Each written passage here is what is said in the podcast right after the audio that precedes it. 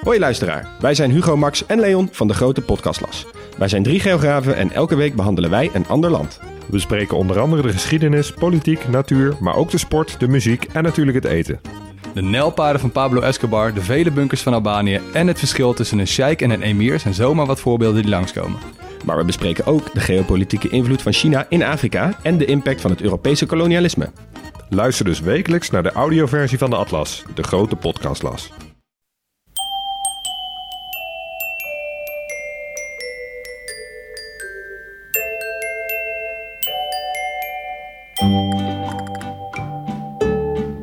Welkom bij aflevering 313 van Echt Gebeurd, de podcast waarin mensen hun eigen waargebeurde verhalen vertellen. In deze aflevering een verhaal dat PP Smit in januari vorig jaar vertelde toen we met de Echt Gebeurd Theatertour het oude Luxor in Rotterdam aandeden. Het thema van de verhalenavond was Onderweg.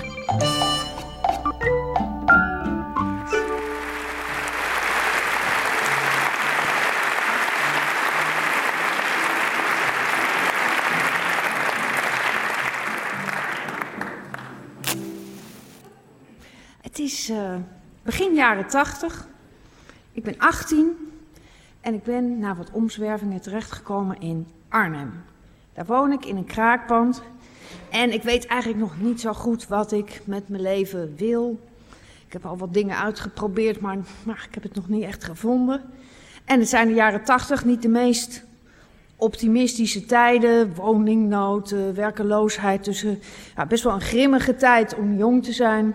En uh, dan raak ik bevriend met een nieuwe groep vrienden die ik, uh, die ik maak. En dat zijn jonge kunstacademie-studenten van de Kunstacademie in Arnhem. Nou, zelf uh, heb ik tekenen en schilderen altijd heel leuk gevonden. Maar het idee om kunstenaar te worden, dat was nog niet bij me opgekomen. Maar dit waren enorm avontuurlijke mensen en die hadden ook bedacht dat, uh, het waren de jaren tachtig, alles moest op de schop, de kunstwereld moest ook helemaal anders. En zij gingen een school kraken. En daar zouden we dan een uh, ja, experimentele kunstruimte van maken. We gingen die school kraken, want ik mocht ook meedoen. Nou, dat was leuk en uh, nou, wij kraken die school. En um, we gingen daar exposities maken met handgeschilderde woeste uh, posters waar we de hele stad mee vol hingen. We gingen, uh, er waren performances met, met vuur en mensen die bloot over de grond rolden. Er waren enorm wilde feesten en uh, ik wist niet wat ik meemaakte. En nou, aangestoken door dit vuur had ik dus besloten, ik, ik word ook kunstenaar, maar dan wel autodidact. Die anderen die gingen allemaal naar de kunstacademie, die waren ook wat ouder. Maar ik zou het zelf doen. Dus ik kreeg in die school ook een ateliertje. Nou, daar was ik dolblij mee. En ik ging daar grote tekeningen met teerverf maken. En ik maakte uh, beeldjes van klein, die gooide ik dan in een houtvuur, waardoor ze helemaal half verkoold eruit kwamen. En hij was enorm wild aan te experimenteren. en uh, nou, die anderen die gingen dus naar de academie, dus het was ook wel eens soms een beetje waren die dagen wat lang. En op een gegeven moment uh, uh, werd ik gevraagd door een wat oudere vriend van me of ik niet bij hem in de band wilde. Dat wilde ik dolgraag, want er was eigenlijk ja, er was niks beter dan en kunstenaar zijn en muzikant. En in een band zitten, een beetje als de Velvet Underground. Dat, was mijn, mijn, dat waren mijn grote voorbeelden.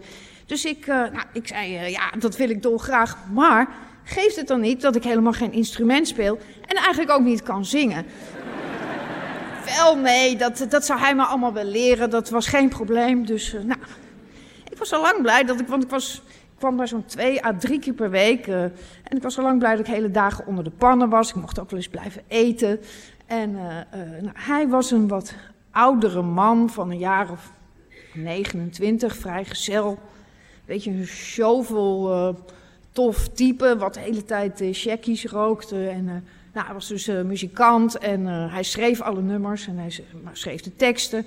En hij ging mij dan dus uh, op al die instrumenten iets leren. Want het was een gimmick van de band dat alle bandleden op alle instrumenten konden spelen. En we waren met z'n drieën, dus die wat oudere man.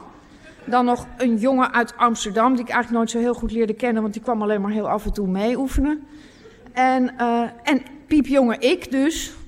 En ik was, uh, ik was 18, maar ik zag er eigenlijk veel uh, jonger uit. Ik kreeg tot, zeker tot mijn 23ste kaartjes voor onder de 12 bij de dierentuin. Dus dat, dat was. Dus ik, zag, ik zag er heel jong uit. Ik had geverfd haar en een soort kledingstijl van samengestelde spullen die ik tweedehands kocht. En bijvoorbeeld een jaren 50 petticoat en dan weer met een, met een herenjasje en daar een riem omheen. En nou, een beetje een soort punk dandy stijl.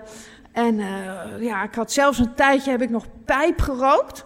Dat, dat leek me dan helemaal uh, uh, super, super interessant staan. Dat, dat, dat was ook wel zo. Maar het was ook ontzettend goor, dus dat, dat heb ik maar heel even vol kunnen houden. Maar nou, zo iemand was ik dus. En, uh, uh, ja, en ik kon dus niks. Dus je kan je afvragen. Wat moesten die andere muzikanten eigenlijk met mij? Nou, ik denk dat het erin zat dat het waren virtuoze muzikanten. Ze waren ongetwijfeld heel goed. Uh, maar ze waren misschien ook een beetje saai om naar te kijken. Dus ik was waarschijnlijk was het idee dat ik de boel wat zou opfleuren met mijn verschijning. Nou goed, ik kwam dus uh, twee keer per week bij die man en hij met engelen geduld leerde die mij uh, twee akkoorden op de synthesizer die ik dan op bepaalde momenten en dan weer die in moest drukken. Ik leerde drie noten op een bas en dan ik moest ook steeds tellen, want af en toe kwam hè, mijn aandeel was maar heel gering, dus af en toe kwam echt zo ting. Nou, dat was dan mijn, mijn onderdeel en de rest deden zij. Ik zong af en toe een refreintje mee. Uh, sommige liedjes, uh, uh, sommige van die nummers, liedjes kan je het eigenlijk niet noemen, want het waren hele deprimerende nummers. zoals bijvoorbeeld het nummer Keine Zukunft, wat eigenlijk bestond uit dat we alle drie tussendoor af en toe een keer of vier in dat nummer alleen maar zeiden: Keine Zukunft. dat was, was de tijd van de, ja, Neue Deutsche Welle was het een beetje. En, New Wave en alles was een beetje gloomy. Nou goed, um, na twee maanden zat alles erin gestampt. Ik uh, kon op alle instrumenten iets. En we zouden gaan optreden. Nou, die wat oudere vriend van me, die, ja, dat was, uh, die schreef niet alleen alle nummers en alle teksten, maar hij regelde ook de optredens. En het eerste optreden wat we gingen doen was meteen knalgoed. We zouden naar Keulen. Voor 800 man.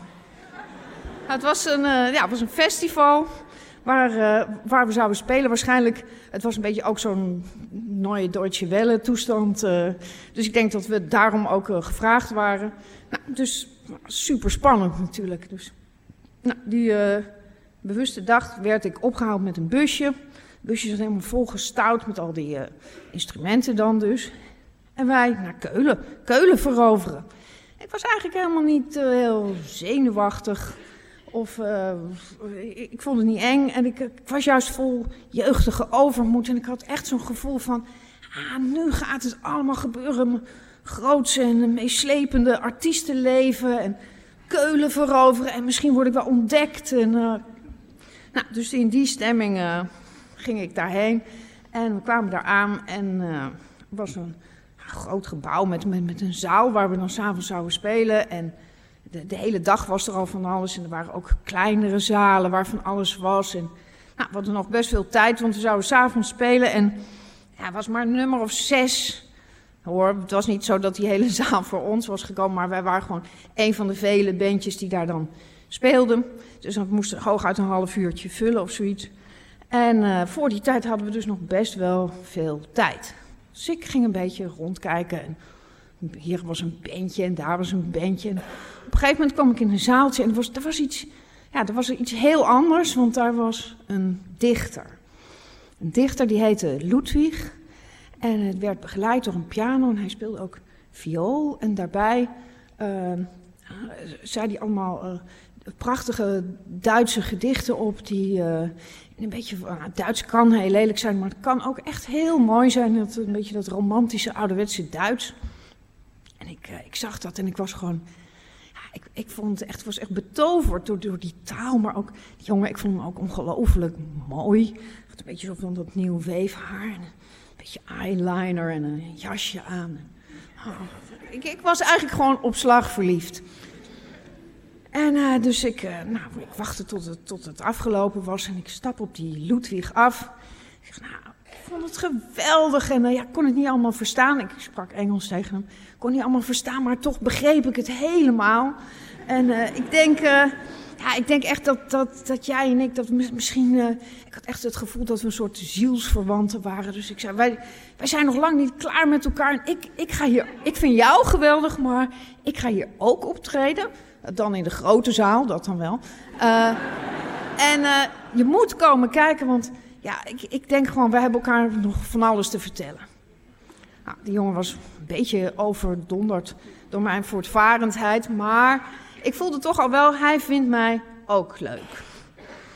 Dus ik, nou, oh ja, ik moest nu trouwens wel naar de kleedkamer, want we gingen al bijna optreden. Ik kwam in de kleedkamer en daar stonden mijn mede-bandleden beetje zenuwachtig en paniekerig van, ja, waar was je nou? En we moeten bijna op. En ik had zoiets van, waar heb je het over? Ik heb net uh, de man van mijn leven ontmoet. En uh, ik was eigenlijk uh, nou, op zijn Duits hemelhoog jouwend. En helemaal in een geëxalteerde stemming gingen we optreden. Nou, dat, dat optreden dat ging muzikaal gezien zoals afgesproken. Maar waarschijnlijk door door mijn uh, opgewonden stemming, uh, ja, uh, ik, ik, sloeg een beetje op hol. Ik, ik, ik, ging, ik, ik ging een beetje overdrijven hoe simpel die akkoorden op die synthesizer eigenlijk wel niet waren. En ook met dat loopje op de bas ging ik zo. Dus ik voelde ook dat ik een beetje de lachers op mijn hand kreeg. En dat, ja, dat maakte het er ook niet beter op. En toen op een gegeven moment kwam dat, die, dat stukje op de gitaar. En toen, nou, toen ging ik helemaal los, want toen ging ik op mijn knieën voor die band zitten en, en, en heel duidelijk maken dat ik echt een super lullig loopje op de gitaar speelde. Maar die mensen vonden het heel grappig. Dus het optreden, ja, het was een succes. Alleen niet bepaald om redenen die mijn mede-bandleden ook konden waarderen. Dus, uh, en ik, zelf had ik ook een beetje iets uh, van, ja, ik weet ook niet, ik weet ook niet wat ik had. Maar, uh, dus wij terug naar die kleedkamer. Zij zag reinig. Het werd nog erger, want uh, er kwam er iemand van de plaatselijke krant en die, die, die stapte meteen op mij af en vertel eens wat over de band. ik zag zo die vriend kijken van, mijn band, ik bedoel, het was natuurlijk zijn band. Dus nou, die stemming daar, die was, uh, die was om te snijden. Dus ik ging maar eens gauw kijken waar Ludwig was gebleven. Ludwig was bij de bar, zoals afgesproken. En uh, nou, Ludwig vond het geweldig. Precies, dat wilde ik natuurlijk horen. Dus nou, ik vond Ludwig geweldig. Ludwig vond mij geweldig. Wat, wat waren wij samen geweldig leuk. En nou, we, eh, we, zouden misschien ook wel samen dingen kunnen doen. Dus we hadden het over kunst en performances en weet ik wat allemaal. En, nou, en opeens stonden die bandleden weer voor mijn neus. Want ja, we gingen. Want uh, we moesten nog helemaal terug naar Arnhem. Dus wij zouden naar huis gaan en hup, uh, pak je spullen, want we gaan. Nou, ik had natuurlijk helemaal geen zin om nog naar huis te gaan. Want ja, ik had net mijn droomprins ontmoet. Dus daar was eigenlijk geen sprake van. En Ludwig, Ludwig bood aan dat ik wel in zijn slaapzak mocht logeren. We waren allebei niet zo groot, dus dat paste best. Dus ik, uh, ik zei tegen die uh, jongens van de band: Jongens, uh, ik blijf bij Ludwig. ik, ik, ik zie jullie wel weer in Arnhem. Nou, zij weg.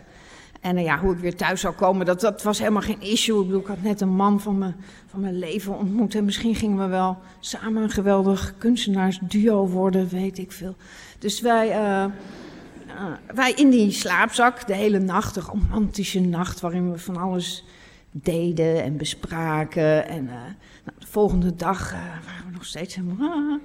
En, nu kwam eigenlijk nog het mooiste, want ik, ik, ik wou dus bij, bij Ludwig blijven. En ik zei ook, nou Ludwig, waar woon je? Ludwig woonde in München. Ja, dacht ik, dat is vast niet zo ver van Keulen. Dus ik zou met Ludwig mee naar München, maar, maar, het mooiste kwam nog, want onderweg zouden we dan in Stuttgart, had hij een optreden. En zou ik het dan niet leuk vinden om samen met hem tijdens dat optreden ook een performance te doen? Nou, dat was natuurlijk niet tegen Dovermans oren. Ik, wilde niks liever, dus ja, dat moeten we doen. En we, we reden naar Stuttgart. Ludwig en ik zaten op de achterbank te bespreken wat we allemaal gingen doen. En hij had ook nog wel wat spullen en plannen te maken. En die pianist van wie de auto was, die reed naar Stuttgart. Kwamen aan eh, eh, bij, in Stuttgart bij een jongerencentrum van eh, ja, beduidend minder allure dan de plek waar we daarvoor waren geweest. Maar goed, maakt niet uit.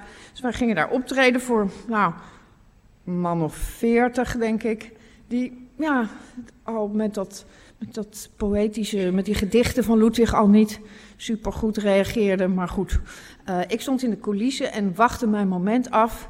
En op een gegeven moment trekte Ludwig zijn jasje uit. Dat was het moment waarop ik uit de coulissen sprong met in mijn handen een projector.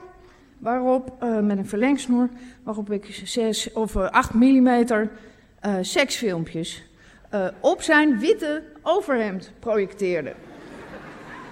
Terwijl hij, de slager, waarom is die welt zo schön? Playbackte. Dat was de performance. Dus ik sprong om hem heen met die projector en hij, waarom is die welt zo schön? Nou goed, dat was het. Het was afgelopen en het was, nou ja, het was echt parelen voor de zwijnen.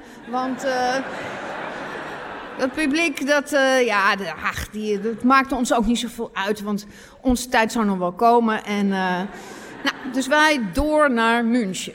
We waren ondertussen wel al behoorlijk back af. Want we hadden natuurlijk eerst dat optreden gehad. En toen die nacht in die slaapzak, we geen oog dicht gedaan. Helemaal naar Stuttgart, dat optreden. En nu moesten we nog naar München. Nou, dus we waren al wel een beetje moe. Maar goed, ehm Ludwig ging voorin zitten in de auto bij die pianist. En ik ging achterin, waar ik net ook had gezeten. En ja, ik, ik merkte toch dat de stemming was een beetje omgeslagen. Ludwig die praatte met mij, praatte die Engels, want mijn Duits was niet zo best. Maar eh, die eh, pianist en Ludwig die zaten maar te praten voorin. En op een gegeven moment waren die ook een beetje stil. En jezus, hoe ver was dat München eigenlijk? Dat, we zaten nu echt al uren in de auto. En eh, ja, ik merkte toch wel, er is, er is toch, het is niet alleen maar die vermoeidheid, er, is iets raars.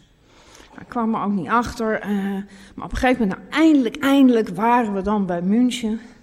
En op een gegeven moment draait Ludwig draait zich om naar de achterbank waar ik dan zat. En eh, hij keek me een beetje moeilijk aan en hij zei: Ja, eh Horace, ik ben getrouwd. Ik ben getrouwd en ik denk niet dat mijn vrouw het heel leuk vindt dat ik nu met jou aankom. En ik heb me door jou laten meeslepen en eh, het was helemaal niet de bedoeling. En eh, ja, nu hebben we een probleem.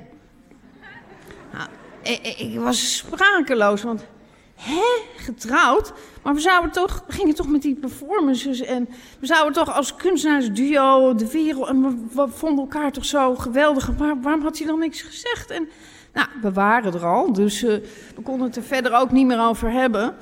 Eh, wij, wij stapten uit en die, die pianist die rijdt eh, door met de auto. En nou, sta ik dan in, in de straat voor een huis in fucking München.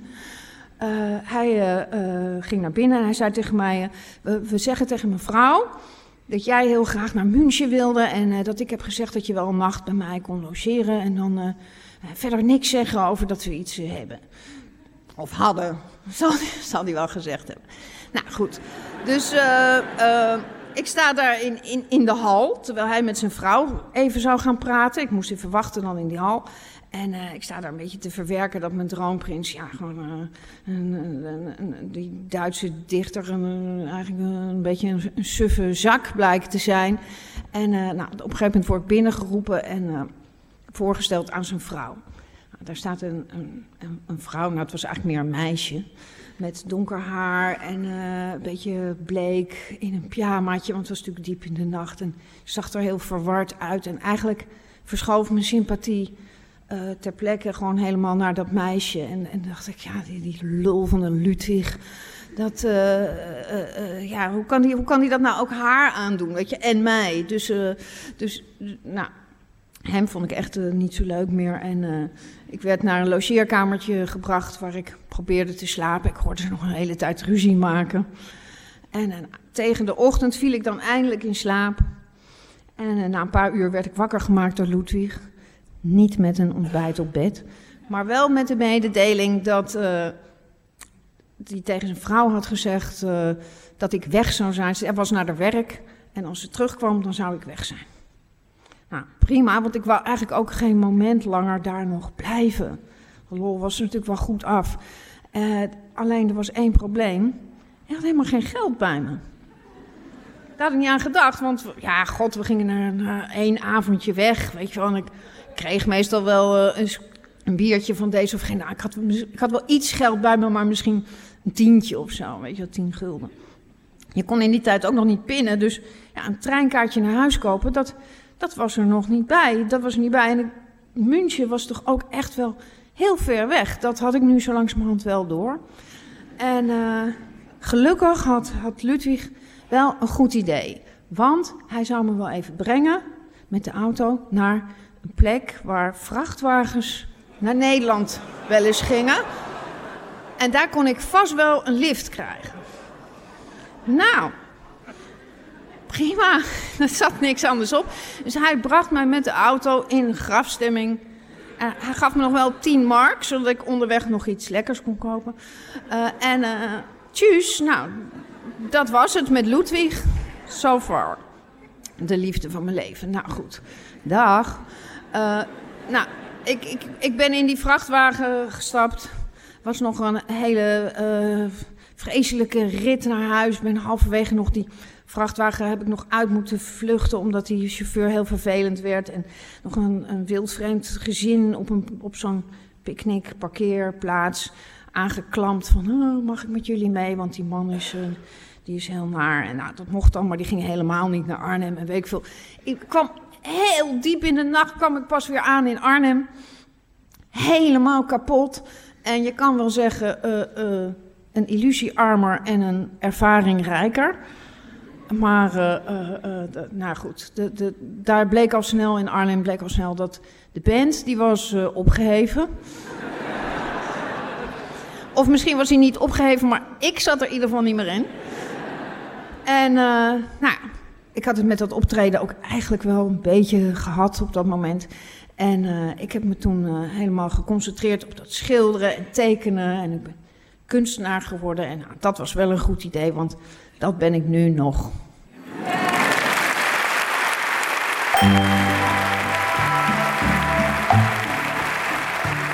Je hoorde een verhaal van PP Smit. Vaste luisteraars van onze podcast weten dat zij vaker verhalen bij ons heeft verteld. Die zijn te beluisteren in aflevering 154 en aflevering 226. Het verhaal uit aflevering 226 staat ook in ons onlangs verschenen boek in drie delen, Echt gebeurd op papier. PP is beeldend kunstenaar en ze maakt de ongewone kinderboekenserie Fred het Hert. Meer informatie over haar vind je op www.ppsmit.com.